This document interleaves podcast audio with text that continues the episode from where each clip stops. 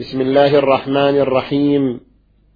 هو الذي أرسل رسوله بالهدى ودين الحق ليظهره على الدين كله ولو كره المشركون.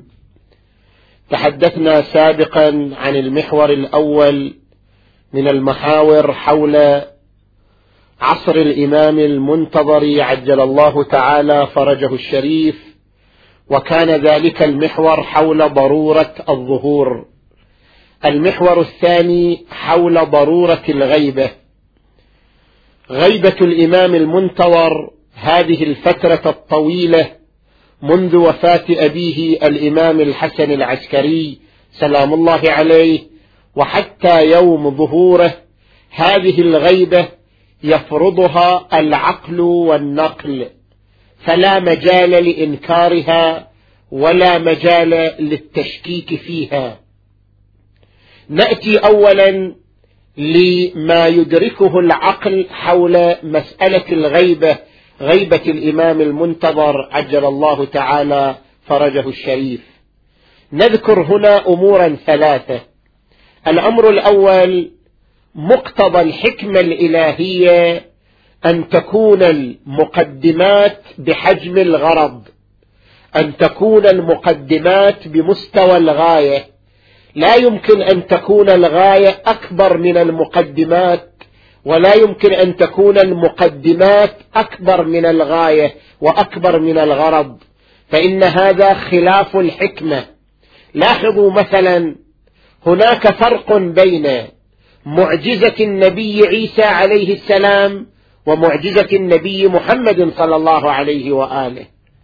لأن الغاية من بعثة عيسى لم يكن جعل رسالة خالدة وخاتمة. كان الغرض من بعث عيسى ومن نبوته رسالة مؤقتة ونبوة مؤقتة ولأن الغرض من بعثته رسالة مؤقتة أعطي معجزة مؤقتة. كان يبرئ الأكمه والأبرص ويحيي الموتى بإذن الله. أما النبي صلى الله عليه وآله فلأن الغاية والغرض من بعثته هو الرسالة الخالدة هو الرسالة الدائمة. ما كان محمد أبا أحد من رجالكم ولكن رسول الله وخاتم النبيين. بما أن الغرض من رسالته هو الرسالة الخالدة لذلك أعطي معجزة خالده تنسجم مع الغرض المقدمة تنسجم مع الغرض. أعطي القرآن الكريم الذي قال فيه تبارك وتعالى انا نحن نزلنا الذكر وأنا له لحافظون.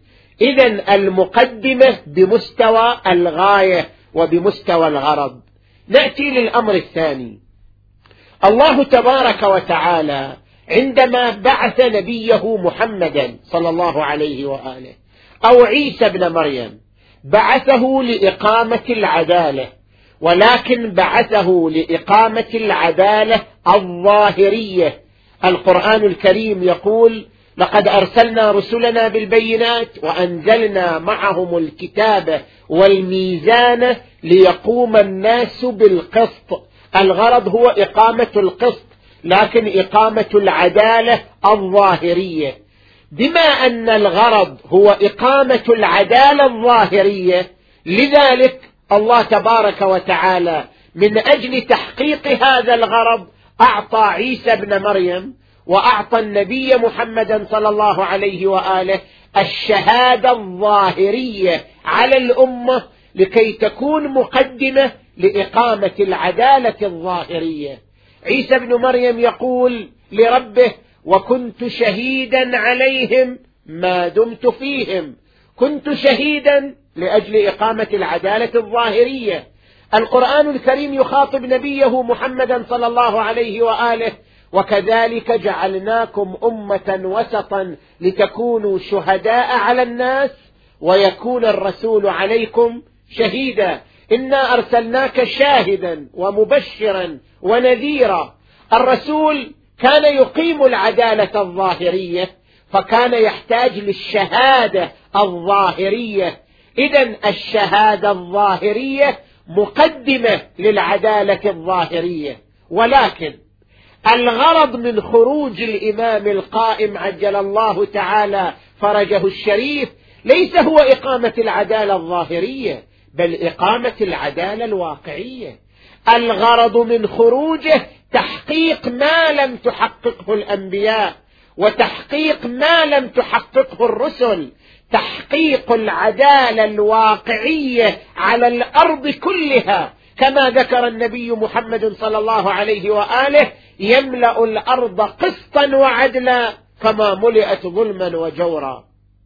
وإقامة العدالة الواقعية ماذا يعني؟ ليس يعني إقامة العدالة الواقعية يعني نفي الظلم أن لا يكون هناك ظلم وأن لا يكون هناك طغيان بل معنى العدالة الواقعية هو أن الناس يتحولون إلى أناس عادلين. المناهج التربوية التي يضعها الإمام المنتظر في دولته في المدارس في الجامعات في البيوت في وسائل الإعلام. جميع المناهج التربوية مناهج متقنة. لا تربي إلا إنسانا عادلا ولا تخرج ولا تصنع إلا إنسانا عادلا.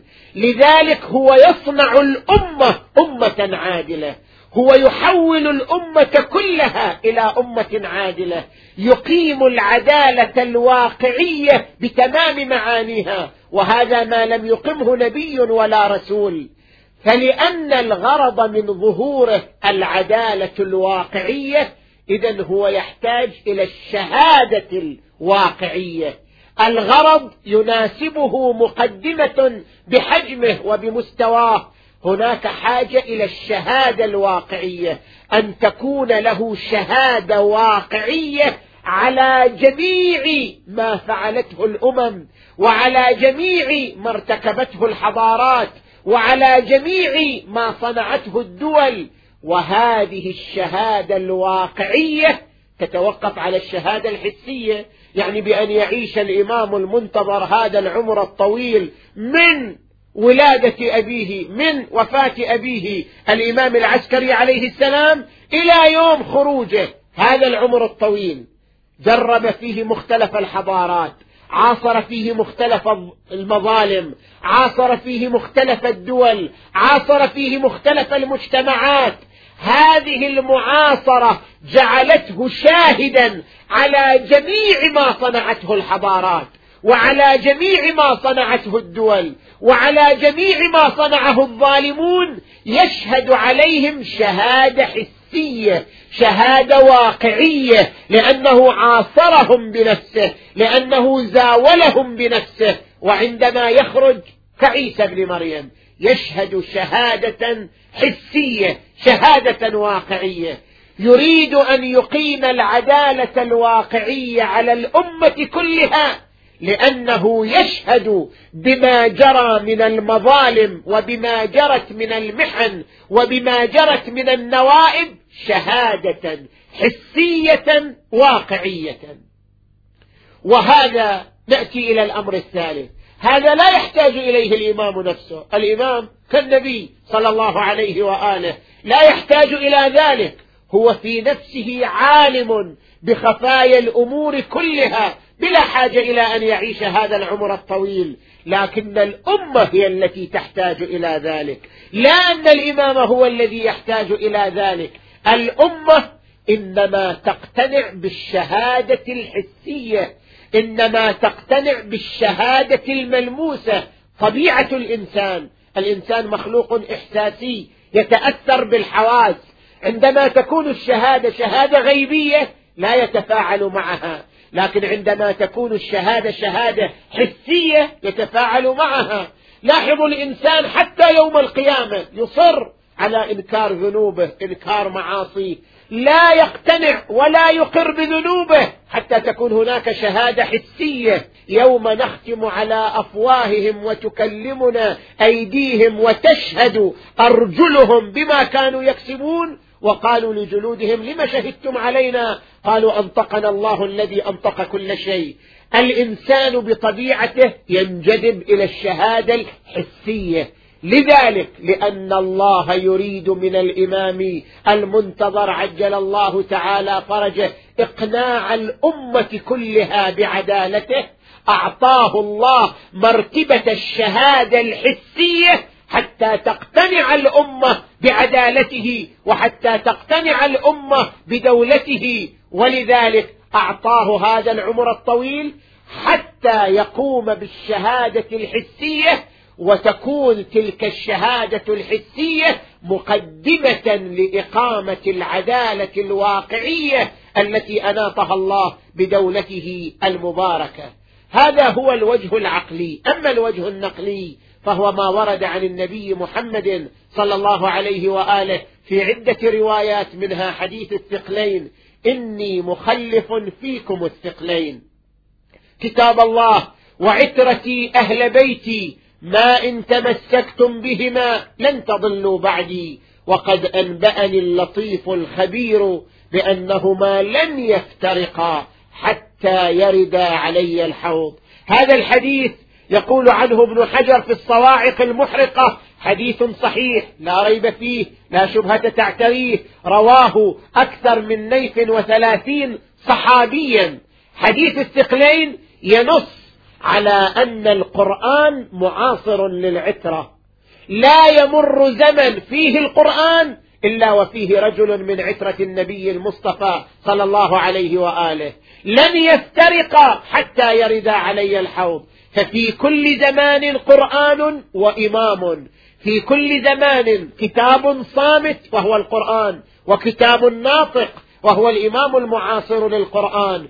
وفي زماننا هذا وما قبله وما بعده كما أن هناك قرآنا فهناك إمام يصون هذا القرآن عن التحريف والتغيير كما أن هناك قرآنا فهناك إمام حامل لأعداء هذا القرآن. إذا هذا الحديث النبوي دليل واضح على غيبة الإمام المنتظر عجل الله تعالى فرجه الشريف. المحور الأخير في حديثنا عن الإمام المنتظر حول معنى الانتظار. ورد عن النبي محمد صلى الله عليه وآله أفضل أعمال أمتي انتظار الفرج. ما معنى هذا الحديث؟ الانتظار له مدلول عقائدي له مدلول روحي له مدلول عملي. أما مدلوله العقائدي نحن نعتقد بأن الغرض والغاية والهدف من إنزال الرسالة من السماء إلى الأرض هو إقامة العدالة. والعدالة لم تتحقق إلى يومنا هذا. هو الذي أرسل رسوله بالهدى ودين الحق ليظهره على الدين كله ولو كره المشركون. إلى الآن لم تتحقق العدالة التامة. إذا إذا كنا نؤمن بأن الله عادل وإذا كنا نؤمن بأن الله لا يفعل قبيحا ولا يفعل لغوا فلا بد أن نؤمن بأن هناك يوما لا بد أن يأتي يحقق الله فيه هدفه من بعثة الأنبياء وإنزال الكتب ألا وهو إقامة العدالة التامة على الأرض. وإلا فلسنا بمؤمنين. إذا الانتظار معناه أن نؤمن بأن هناك يوما لتحقيق العدالة أن هناك يوما يحقق الله فيه وعده. والإيمان بأن هناك يوما يحقق فيه الله وعده ويحقق فيه الله عدالته ويتنزه به عن فعل اللغو والقبيح. هذا الإيمان من أفضل أعمال المؤمن. إذا أفضل أعمال أمتي انتظار الفرج لأن الانتظار يعني قضية عقائدية ضرورية وهي قضية تحقيق الله لوعده الذي وعد به في الكتاب وما يحكم به العقل من ضرورة تحقيق العدالة التامة وإلا لكان بعثة الأنبياء وإنزال الكتب أمرا لغوا واللغو لا يصدر من الحكيم تبارك وتعالى. المدلول الثاني المدلول الروحي التربوي. عندما يؤمن الإنسان بأن هناك إماما يمده ببركاته يمده بفيضه يمده بعطائه. غير عندما يعتقد الإنسان أن لا شيء هناك وأن الإمام سيولد آخر الزمان. إذا اعتقد الإنسان أن الإمام سيولد آخر الزمان فسوف لن يكون عنده تفاعل روحي مع ذلك الإمام. سوف لن يكون عنده تناغم نفسي مع ذلك الإمام. أما إذا اعتقد الإنسان أن الإمام حاضر يراه يشهده يتصل به وهو مصدر البركات مصدر الفيوضات مصدر العطاء يمدنا بهدايته يمدنا بدعائه يمدنا ببركاته يسدد مراجعنا يسدد قادتنا يسدد مسيرتنا يحفظ القرآن عن التحريف يحفظ الأمة الإسلامية عن الذل والهوان. إذا اعتقدنا أن هناك إماما ينشر بركاته وينشر خيراته صار لنا تفاعل روحي مع ذلك الإمام.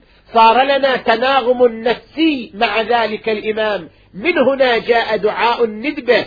دعاء الندبة يؤكد على التفاعل الروحي بين الإنسان وبين صاحب العصر. دعاء العهد يؤكد على التفاعل النفسي بين الإمام وبين صاحب العصر. هذه الأدعية هي من مصاديق الانتظار. أفضل أعمال أمتي انتظار الفرج انتظاره بمعنى الاعتقاد بحضوره والتفاعل معه والإيمان بمدده وخيره ودعائه والارتباط الروحي بشخصيته المباركة صلوات الله وسلامه عليه. وهذا ما ينعكس على إيمان الإنسان وسلوك الإنسان. المدلول الثالث المدلول العملي والسلوكي انتظار الضيف هو إعداد المادبه للضيف. أنا أنتظر الضيف يعني أعد المأدبة لاستقباله أعد المكان لاستقباله. لا يمكن أن يكون انتظار الضيف بلا إعداد. إذا انتظار الأمة لخروج صاحب العصر والزمان. عجل الله تعالى فرجه الشريف. لا يعني أن الأمة جالسة وتتشاءم ولا تقوم بأي عمل وأية حركة. انتظار الإمام يعني إعداد الأرضية لظهور الإمام عجل الله تعالى فرجه الشريف. الإمام إذا ظهر يحتاج إلى أرضية يستند إليها. والانتظار له إعداد تلك الأرضية له. وهذا ما نادى به القرآن الكريم ولتكن منكم أمة يدعون إلى الخير ويأمرون بالمعروف وينهون عن المنكر وقال القرآن الكريم كنتم خير أمة أخرجت للناس تأمرون بالمعروف وتنهون عن المنكر إذا حركة الإصلاح حركة الأمر بالمعروف والنهي عن المنكر حركة تثقيف الأمة وإيقاظ الأمة حركة تسليح الأمة بالعقائد بالأخلاق بالثقافة الإسلامية حركة إرشاد الأمة ووعظ الأمة من قبل العلماء من قبل الخطباء من قبل المبلغين. كل هذه الحركة هي إعداد لظهور الإمام المنتظر عجل الله تعالى فرجه الشريف. تعديد للأرضية لخروج الإمام المنتظر عجل الله تعالى فرجه الشريف. إذا هذا هو معنى الانتظار في مدلولاته الثلاثة. أفضل أعمال أمتي. انتظار الفرج له مدلول عقائدي. تحقيق وعد الله.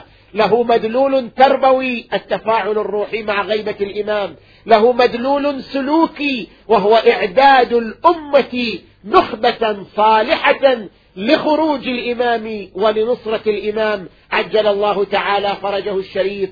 جعلنا الله وإياكم من المنتظرين لخروجه ومن المستعدين لنصرته ومن السائرين على دربه ونهجه ونهج أجداده الطاهرين. وآخر دعوانا أن الحمد لله رب العالمين والصلاة والسلام على أشرف الأنبياء والمرسلين محمد وآله الطيبين الطاهرين.